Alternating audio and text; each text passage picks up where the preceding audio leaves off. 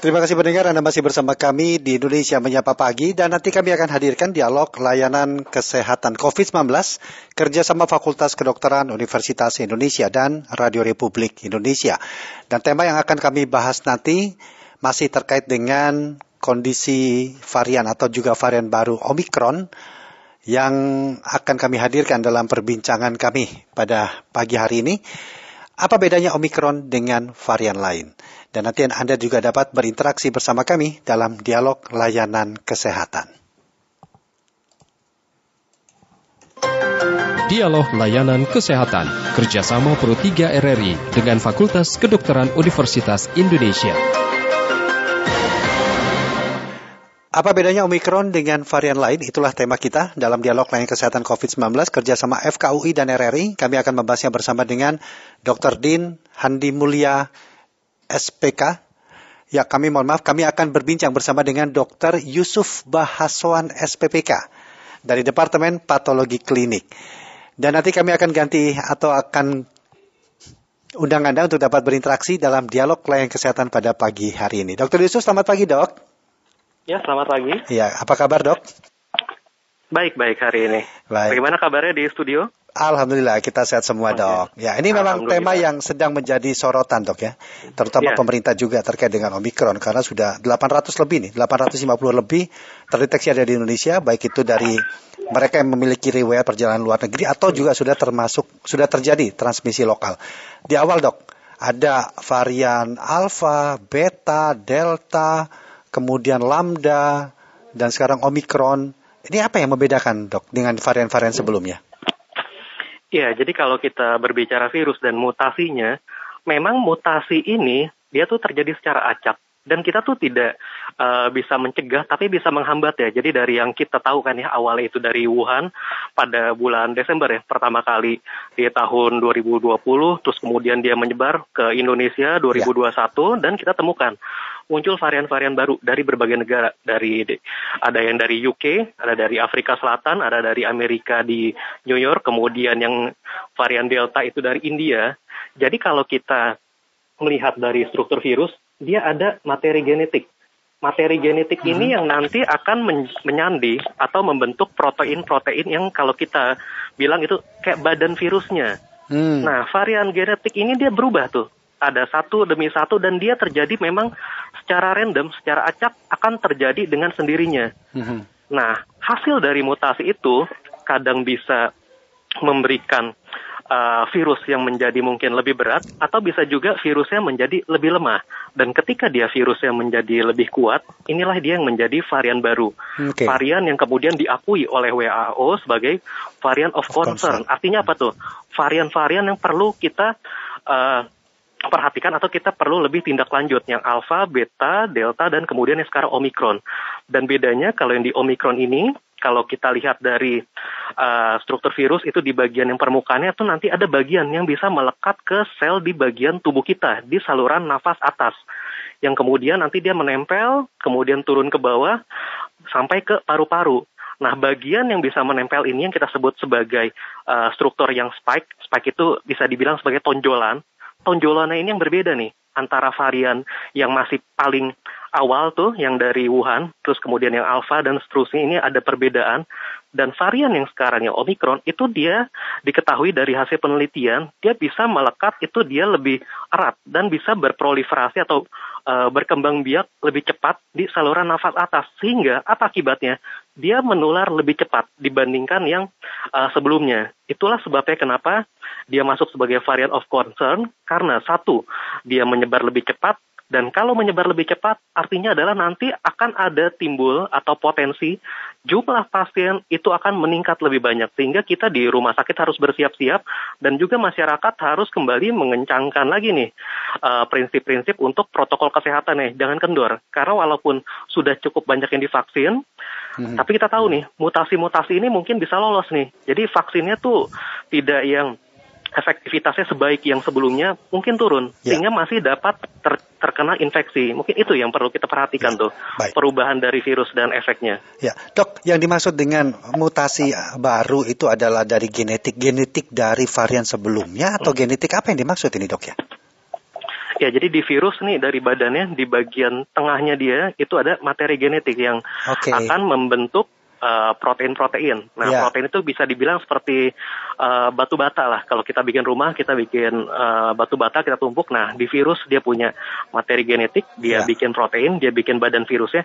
Kalau materi genetiknya berubah, maka badannya itu juga berubah. Berubah. Oke. Sehingga badan kita nih, sistem imun kita harus bisa nih mengenali uh, badannya yang berubah itu. Kan kalau yang tadi sebelumnya Hmm. udah divaksin, uh, udah kenal lah kita. Oh ini yang yang alfa, yang beta seperti ini, udah lebih jago nih sistem imun kita. Tapi dia Hmm. Oke. berubah sekarang, sehingga kita perlu belajar mengenal lagi. Oh. Nah, itu yang Iya, bikin dia iya. kita sebutnya escape tuh atau uh, melarikan diri dari sistem imun kita karena Iya. varian tersebut. Dan sifatnya dia akan teral- terus melakukan mutasi begitu dok ya.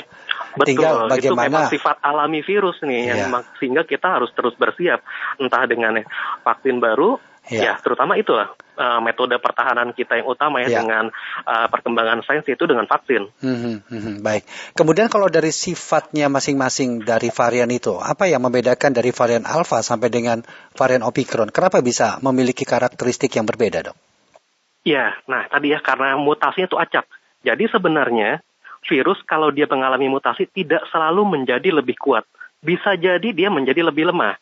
Tapi ini kita bicara di lingkup komunitas nih di masyarakat misalkan ada 100 pasien eh, terinfeksi eh, virus COVID. Kemudian dia ada yang bermutasi menjadi lebih lemah, ada yang menjadi lebih kuat. Virus-virus yang bermutasi tapi efeknya itu lebih lemah dalam artian penularannya mungkin lebih lambat, kemudian eh, dia tidak menyebabkan penyakit yang berkepanjangan, dia akan kalah jumlah oleh virus-virus yang mutasinya menyebabkan dia lebih kuat.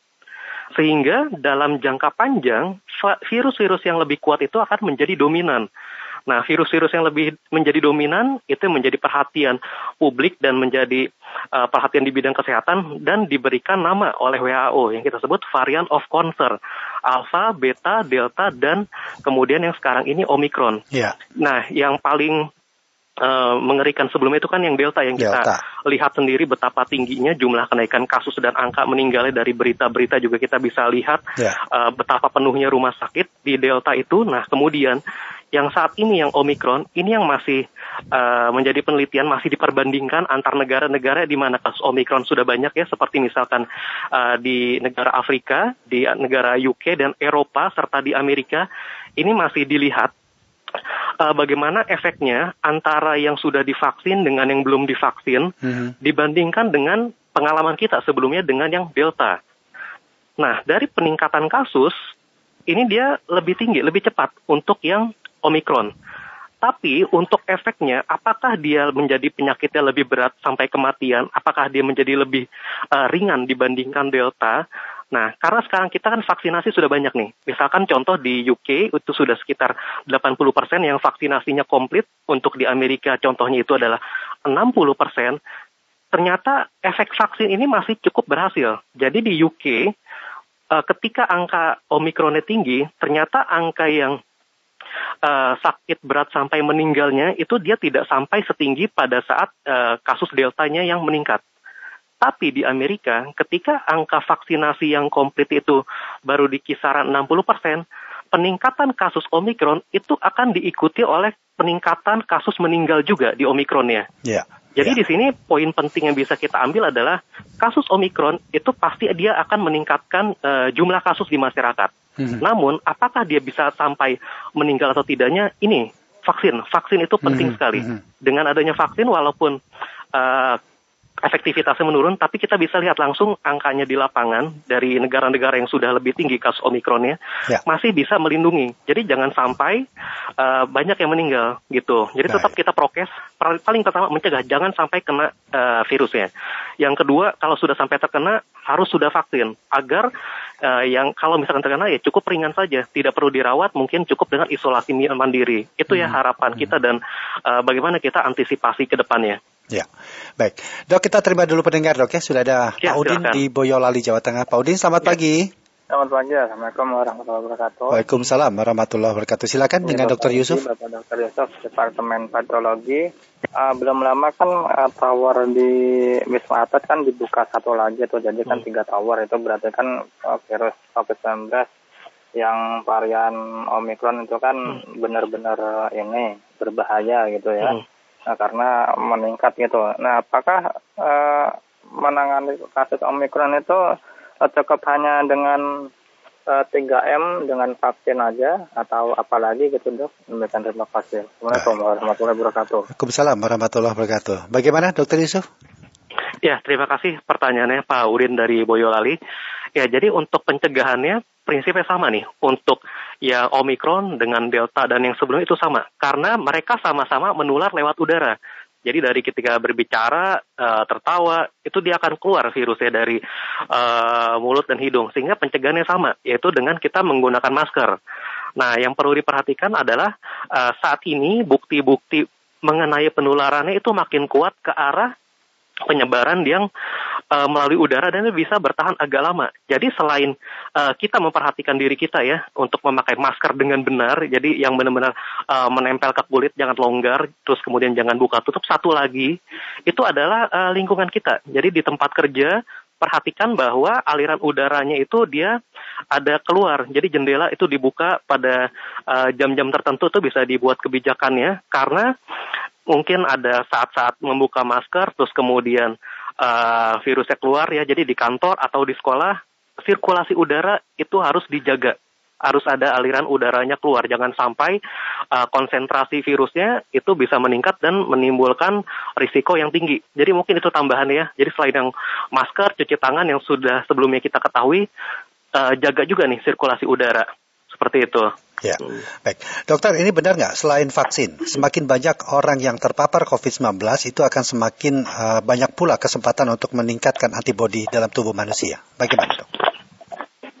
Ya, jadi mengenai banyaknya jumlah yang uh, terpapar atau terinfeksi ya. itu betul. Memang dia akan meningkatkan uh, antibodi. Tapi perlu diketahui risikonya ini loh. Ketika kita terinfeksi uh, virus secara langsung, maka akan ada risiko kematian. Nah, hmm. kalau kita misalkan nih contoh ya, kita dengar, oh ini kematiannya satu atau dua persen, lalu kemudian ah sedikit itu satu dua persen, satu dua persen itu artinya satu atau dua dari seratus. Coba dibayangkan nih, kita ada masuk ke suatu ruangan seratus orang, terus dibilang satu atau dua orang akan meninggal di ruangan itu, kan tentu kita takut dong, wah satu atau dua dari seratus masuk ke suatu kelas, suatu kantor, terus dibilang satu atau dua orang itu akan meninggal, kita tentu akan panik. Nah ini karena kita situasinya bukan di dalam kelas, ada rasa mungkin agak abai atau ya seperti terlena, ah mungkin bukan saya yang kena, tapi ini tadi ya, ini penularannya tinggi sekali. Sehingga ya, ya. sebaik-baiknya pencegahan adalah jangan sampai terkena. Mungkin hmm. seperti itu ya. Jadi walau dibilang antibodinya nanti akan naik, risiko itu ada. Kita nggak tahu siapa mau ya. yang atlet mau yang apa udah banyak contohnya ya. jangan ambil risiko begitu hmm. kalau kalau ukuran normalnya ini dok mungkin hmm. uh, di waktu kita terpapar atau terinfeksi COVID-19 hmm. lazimnya itu berapa lama sih antibodi itu akan muncul dalam tubuh kita ya, bisa jadi bisa ditentukan nggak itu dok ya kurang lebih dia sama nih dengan infeksi virus lainnya hmm. di waktu sekitar 5-7 hari dia mulai akan uh, muncul antibodinya itu sendiri ya. Betul. Ya. Mulai akan muncul tuh bukan berarti semua orang dalam hari kelima, hari ketujuh ya, itu ya. dia akan timbul. Belum, tapi sudah ada yang bisa terdeteksi gitu sebagian orang di 5 sampai 7 hari. Hmm. Nah, di kapan kita bisa bilang uh, hampir sebagian besar orang di atas 90% atau 95% terbentuk antibodi itu ya. di atas 10 hari ya ya kita bisa periksa dari pemeriksaan antibodi uh-huh. kalau sudah di atas 10 sampai 14 hari hampir uh, semua yang terinfeksi itu akan terdeteksi kadar antibodinya hmm. dan vaksin itu adalah membantu juga dok ya untuk menstimulus antibodi kita begitu ya Betul, ya. ya vaksin itu cara aman untuk bagaimana kita bisa dapat antibodi. Ya. Jadi ketika kita terkena ya. uh, virusnya, harapannya tuh cuma ringan atau mungkin tidak ada gejala sama sekali. Ya, baik. Dok, kalau vaksin-vaksin ini kan diciptakan pertama kali pada saat kasus COVID itu muncul, kasus COVID-19 dengan hmm. karakteristik seperti itu. Dan tidak ya. ada yang memahami uh, seperti apa mutasi dengan karakteristik hmm. berikutnya. Ada yang kuat, hmm. ada yang lemah. Nah, hmm. apakah vaksin-vaksin yang diciptakan pada tolak ukurnya di uh, varian yang pertama itu akan tetap meningkat, uh, tetap efikasinya tinggi atau ada masa berlakunya? Hmm. Bagaimana dok? Ya, jadi kalau dari WHO dia menetapkan bahwa efikasi agar uh, vaksin mendapatkan izin edar itu adalah di atas 50 persen. kalau dia di atas 50%, artinya ada dampak positif yang terasa nih bagi kita, bagi komunitas yang uh, sudah divaksin. Nah, kemudian kan kita tahu ya tadi ada mutasi-mutasi. Nah, bagaimana nih nanti efeknya? Pada saat uh, vaksin-vaksin itu pertama dikembangkan, kita bisa lihat efikasinya ada yang mencapai 90%, 80%, 70%, itu yeah. dinilai pada saat awal.